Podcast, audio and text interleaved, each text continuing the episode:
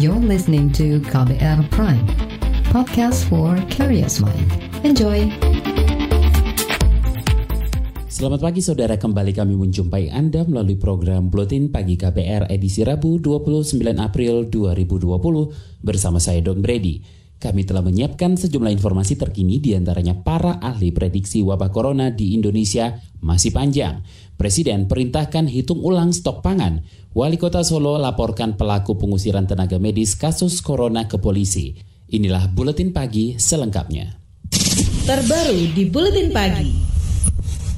Saudara Lembaga Biologi Molekuler Eijkman menilai pemerintah terlalu dini memperkirakan grafik kasus baru COVID-19 mulai turun.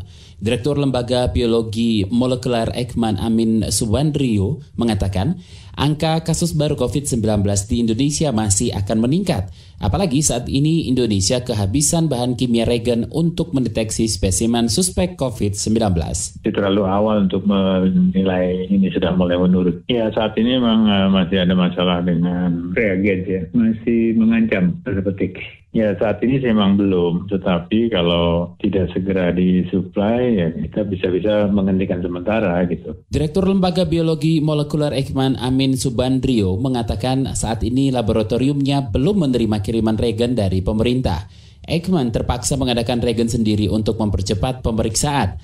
Amin khawatir kurangnya regen akan berdampak pada penghentian operasional laboratorium. Eijkman memerlukan sekitar 400 regen per sehari. Sebelumnya, Kepala Gugus Tugas Percepatan Penanganan COVID-19 Doni Munardo menyebut kasus positif corona COVID-19 di Jakarta pada 24 April hingga 27 April mengalami perlambatan dibandingkan hari-hari sebelumnya. Begitu juga angka kematian di DKI menurun.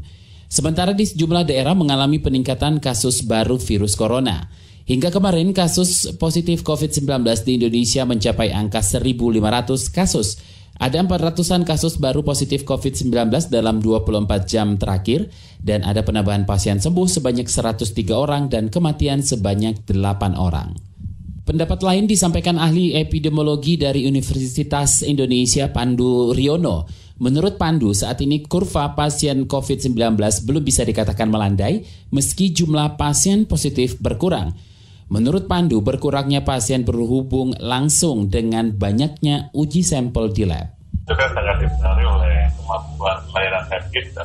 Layanan kita bisa stabil, tidak ada antrian, ya mudah dipercayakan kasus. Problemnya memang di tes.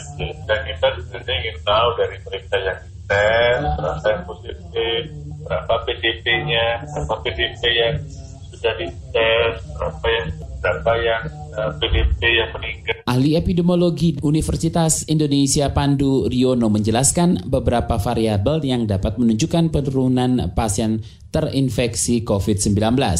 Di antaranya jumlah tes yang dilakukan harus stabil. Kemudian kedua jumlah pasien dalam pengawasan atau PDP yang terinfeksi menurun.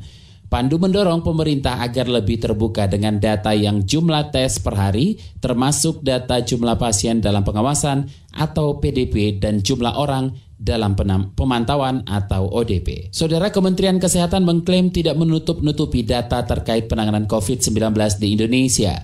Kepala Pusat Data Informasi Kementerian Kesehatan Didik Budianto menyebutkan perbedaan data kemungkinan terjadi karena adanya perbedaan waktu antara Pusat Penelitian Kesehatan dengan Pusat Data di Kementerian Kesehatan saat mengelola data. Terus terang aja, tidak ada data yang tertutupi. Ya. Perbedaan itu terjadi ketika ada pengiriman-pengiriman yang pada saat ketika cut off point time-nya itu berbeda. Sehingga ketika Pak Jubir menyampaikan pada jam yang ditayangkan, data di dinamik terus berproses ya. Itu sebabnya kenapa Pak juru bicara sering menyampaikan bahwa ada jam 12 titik kosong nah, seperti itu. Kepala Pusat Data Informasi di Kementerian Kesehatan Didik Budianto mengatakan kementeriannya wajib transparan menyampaikan data kepada publik sesuai perintah Presiden Joko Widodo. Pemerintah menelusuri lebih dari 200 ribu orang yang diduga melakukan kontak dengan pasien COVID-19. Juru bicara pemerintah untuk penanganan COVID-19 Ahmad Yuryanto mengatakan dari jumlah itu sebanyak 20 ribu orang menunjukkan gejala COVID-19. Yuri mengklaim pemerintah terus menelusuri jejak kontak dengan menggenjot pemeriksaan spesimen. Sudah ada 48 laboratorium yang sekarang ini aktif bekerja, terdiri dari laboratorium yang ada di perguruan tinggi, di jajaran Kementerian Kesehatan, di laboratorium kesehatan daerah, maupun balai veteriner, dan beberapa lagi di rumah sakit. Spesimen yang sudah kita periksa sebanyak 79.618 set spesimen dari 62.544 orang. Kasus positif 9.511 orang. Juru bicara pemerintah untuk penanganan COVID-19 Ahmad Yuryanto menambahkan sebanyak 22 kabupaten dan kota di Indonesia telah menerapkan pembatasan sosial berskala besar atau PSBB, termasuk Surabaya, Sidoarjo, dan Gresik di Jawa Timur yang memperlakukan PSBB hari ini. Saat ini lebih dari 300 ribu orang juga menggunakan layanan perawatan COVID-19 jarak jauh. Yuri juga meminta masyarakat mematuhi imbauan pemerintah untuk tetap di rumah dan tidak mudik. Kita ke mancanegara, seorang pejabat di Malaysia didakwa melanggar aturan karantina wilayah karena menghadiri perkumpulan dengan sejumlah pejabat lain selama pandemi COVID-19. Wakil Menteri Kesehatan Malaysia Nur Azmi Ghazali dan rombongannya diduga menghadiri, menghadiri acara pengajian dan makan bersama pada pekan lalu. Ia dikenai denda sebesar seribu ringgit atau sekitar 3,5 juta rupiah atau hukuman pengganti satu bulan penjara. Malaysia memperlakukan karantina wilayah sejak 15 Maret lalu dan diperpanjang hingga 12 Mei mendatang. Saudara, 600 ribu orang diprediksi mendaftar program Kartu Prakerja gelombang ketiga. Informasinya usai jeda, tetaplah di Buletin Pagi KBR. You're listening to KBR Pride, podcast for curious mind. Enjoy!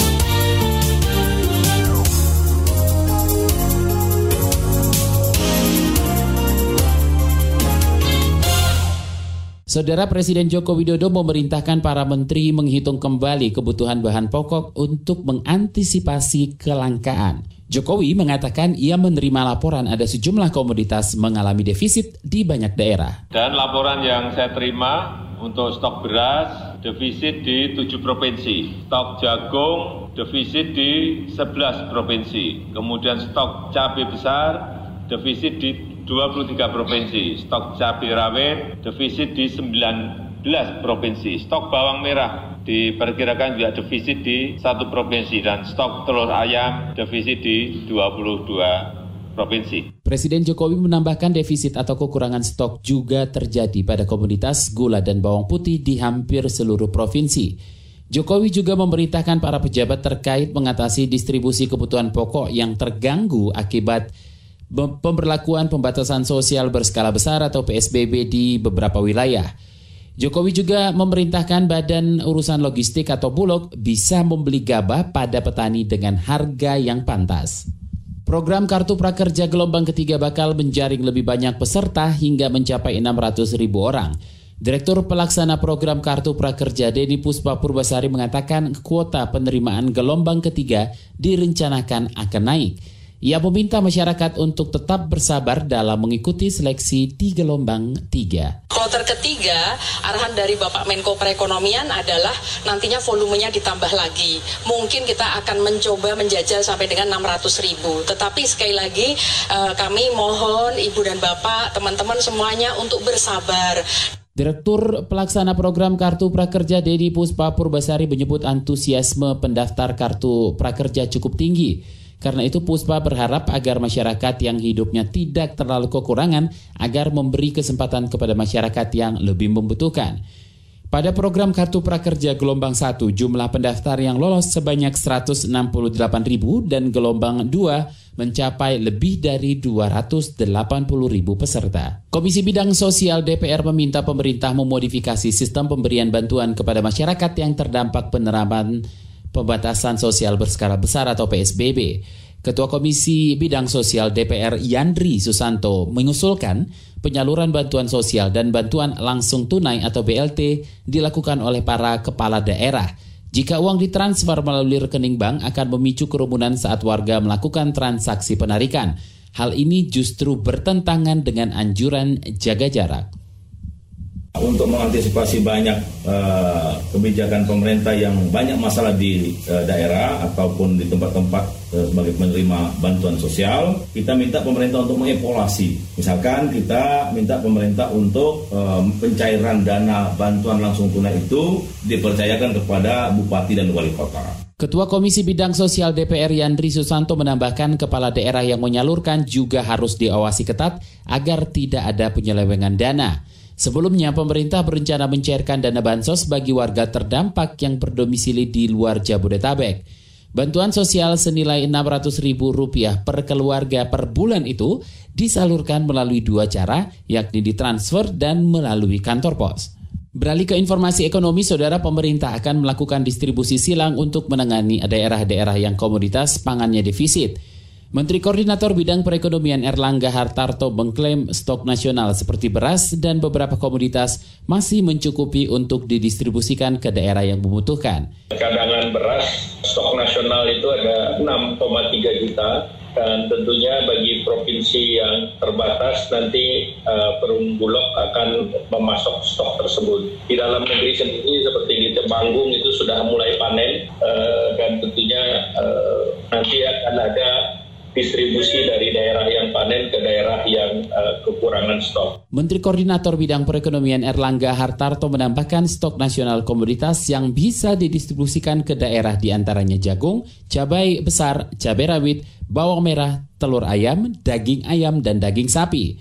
Untuk kebutuhan bawang putih, pemerintah mengklaim sudah mengimpor cukup banyak, namun hingga saat ini yang terrealisasi baru sekitar 72 ribu ton. Saudara Kementerian Perdagangan meminta produsen segera melepas pasokan gula ke retail modern untuk membantu distribusi gula ke masyarakat. Menteri Perdagangan Agus Supramanto mengatakan distribusi gula melalui pasar retail merupakan upaya memotong rantai distribusi sehingga harga gula turun dalam beberapa hari ke depan bagi produsen-produsen yang telah menerima penugasan.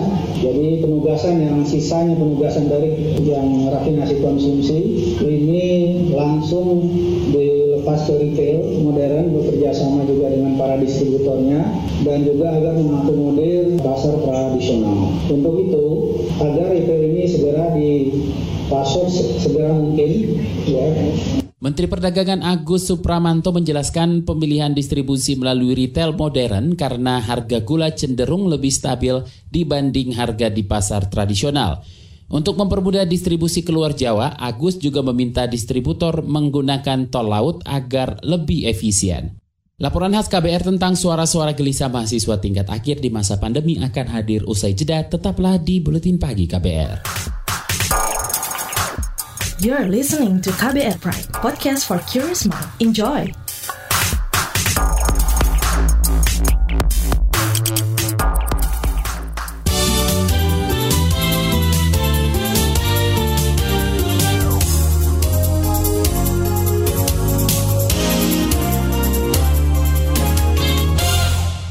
Anda masih mendengarkan buletin pagi, saatnya kita simak laporan khas KBR.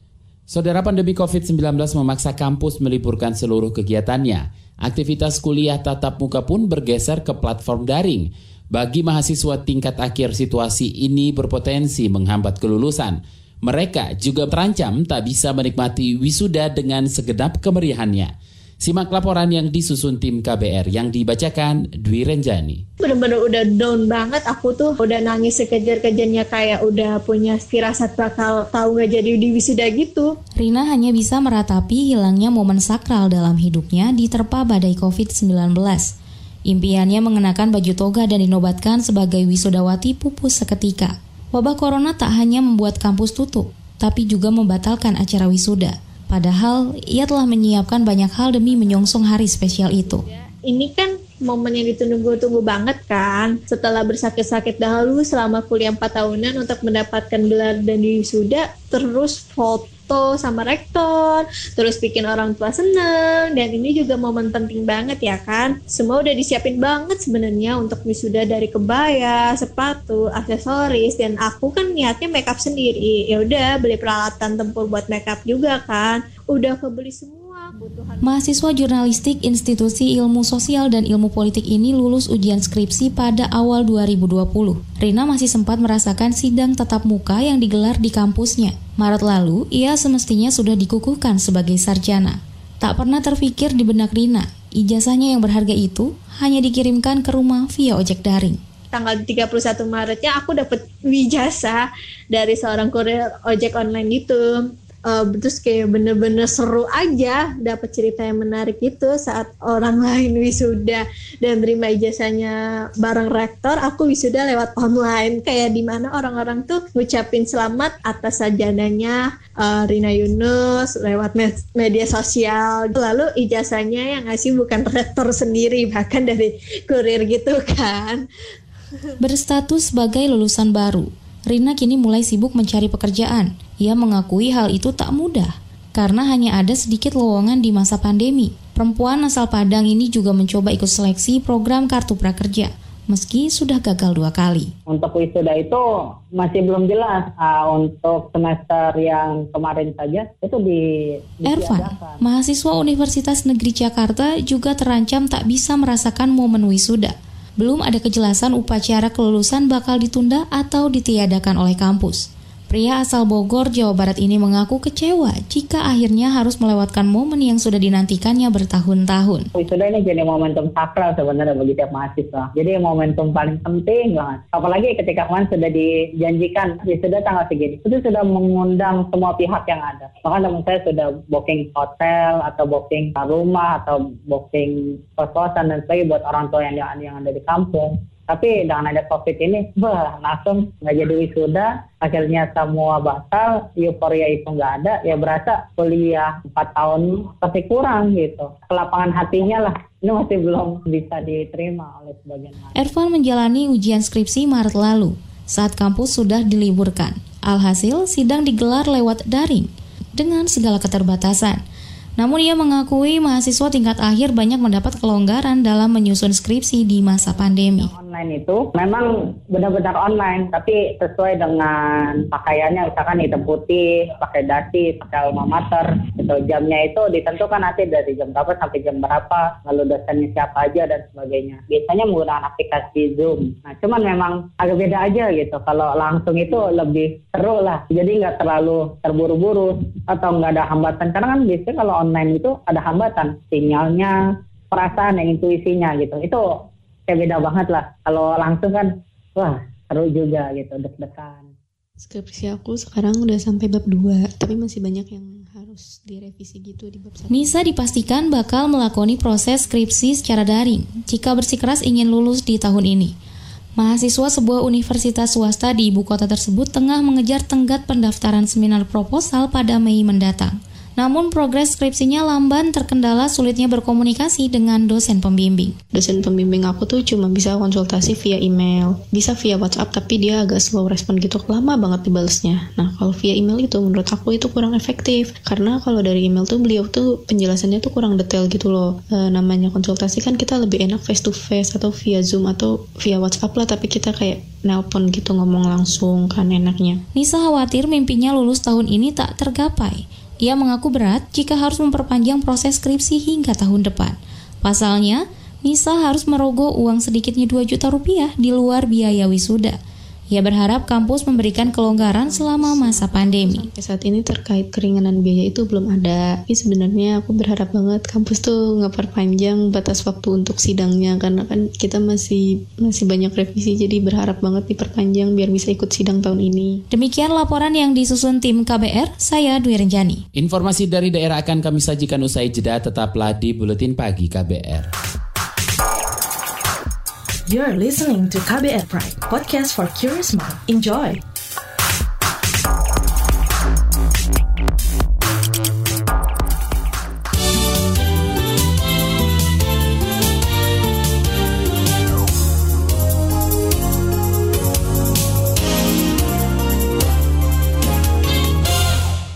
Inilah bagian akhir buletin pagi KBR. Kita ke Jawa Tengah. Pemerintah Kota Solo akan menempuh jalur hukum terhadap kasus pengusiran tiga tenaga medis yang menangani pasien virus corona. Tenaga medis itu diusir dari rumah kos oleh warga. Wali Kota Solo Hadi Rudiatmo mengatakan saat ini tiga tenaga medis tersebut tinggal di RSUD Solo.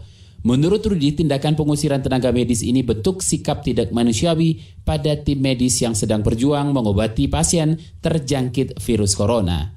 Kita susun untuk uh, melaporkan kronologis kronologi daripada uh, pengusiran sepihak ini harus kita sampaikan kepada kepolisian supaya polisi nanti juga tidak ditanya ke sana kemarin tidak gagap. Polres Sukarjo no, pengusirannya di sana. Kalau tidak ada penjelasan menular itu juga uh, ada prosesnya kok. Sebelumnya tiga perawat di RSUD Bung Karno Solo diusir pemilik kos karena khawatir tertular virus corona. Ketiganya tinggal di rumah kos perbatasan Solo, Sukoharjo. Kita ke Jawa Barat, pemerintah Jawa Barat terus berupaya menekan laju kenaikan jumlah kasus COVID-19 dengan gencar menggelar rapid test. Juru bicara gugus tugas percepatan penanggulangan COVID-19 Jawa Barat, Berli Hamdani, menyebutkan Jumlah alat rapid test yang telah diserahkan ke ke-27 kabupaten kota mencapai 100 ribu unit. Jadi hampir 96 ribu yang sudah kita lakukan rapid test di kabupaten kota. Kemudian dari hasil tersebut yang terbanyak tentunya adalah di masih yang klaster-klaster sebelumnya yaitu di Bodebek dan juga di Bandung Raya. Kemudian dari hampir 96 ribu hasil rapid test itu yang reaktif sebanyak 2 ribu orang. Juru bicara gugus tugas percepatan penanggulangan COVID-19 Jawa Barat, Berli Hamdani menjelaskan sebanyak 2 ribu orang yang terindikasi positif terjangkit COVID-19 melalui rapid test kini menjalani pemeriksaan lanjutan dengan PCR. Namun pemeriksaan dengan PCR terkendala peralatan. Saudara Mahkamah Konstitusi atau MK menggelar sidang perdana permohonan uji materi terkait peraturan pemerintah pengganti undang-undang atau Perpu tentang kebijakan keuangan negara untuk penanganan pandemi COVID-19.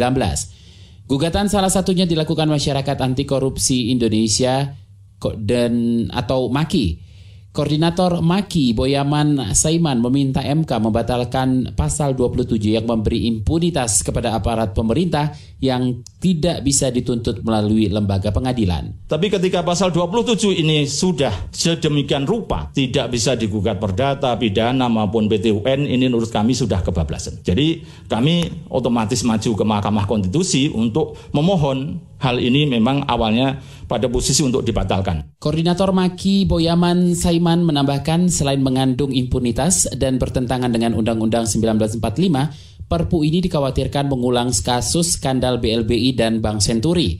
Selain masyarakat anti korupsi Indonesia atau MAKI, gugatan juga dilakukan oleh tokoh Muhammadiyah Din Syamsuddin dan politikus Partai Amanat Nasional PAN Amin Rais. Saudara informasi tadi menutup jumpa kita di Buletin Pagi hari ini. Pantau juga informasi terbaru melalui kabar baru, melalui website kbr.id, Twitter kami at berita KBR, serta podcast melalui kbrprime.id.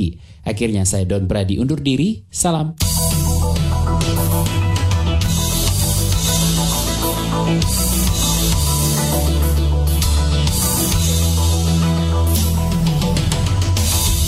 KBR Prime, cara asik mendengar berita. KBR Prime, podcast for curious mind.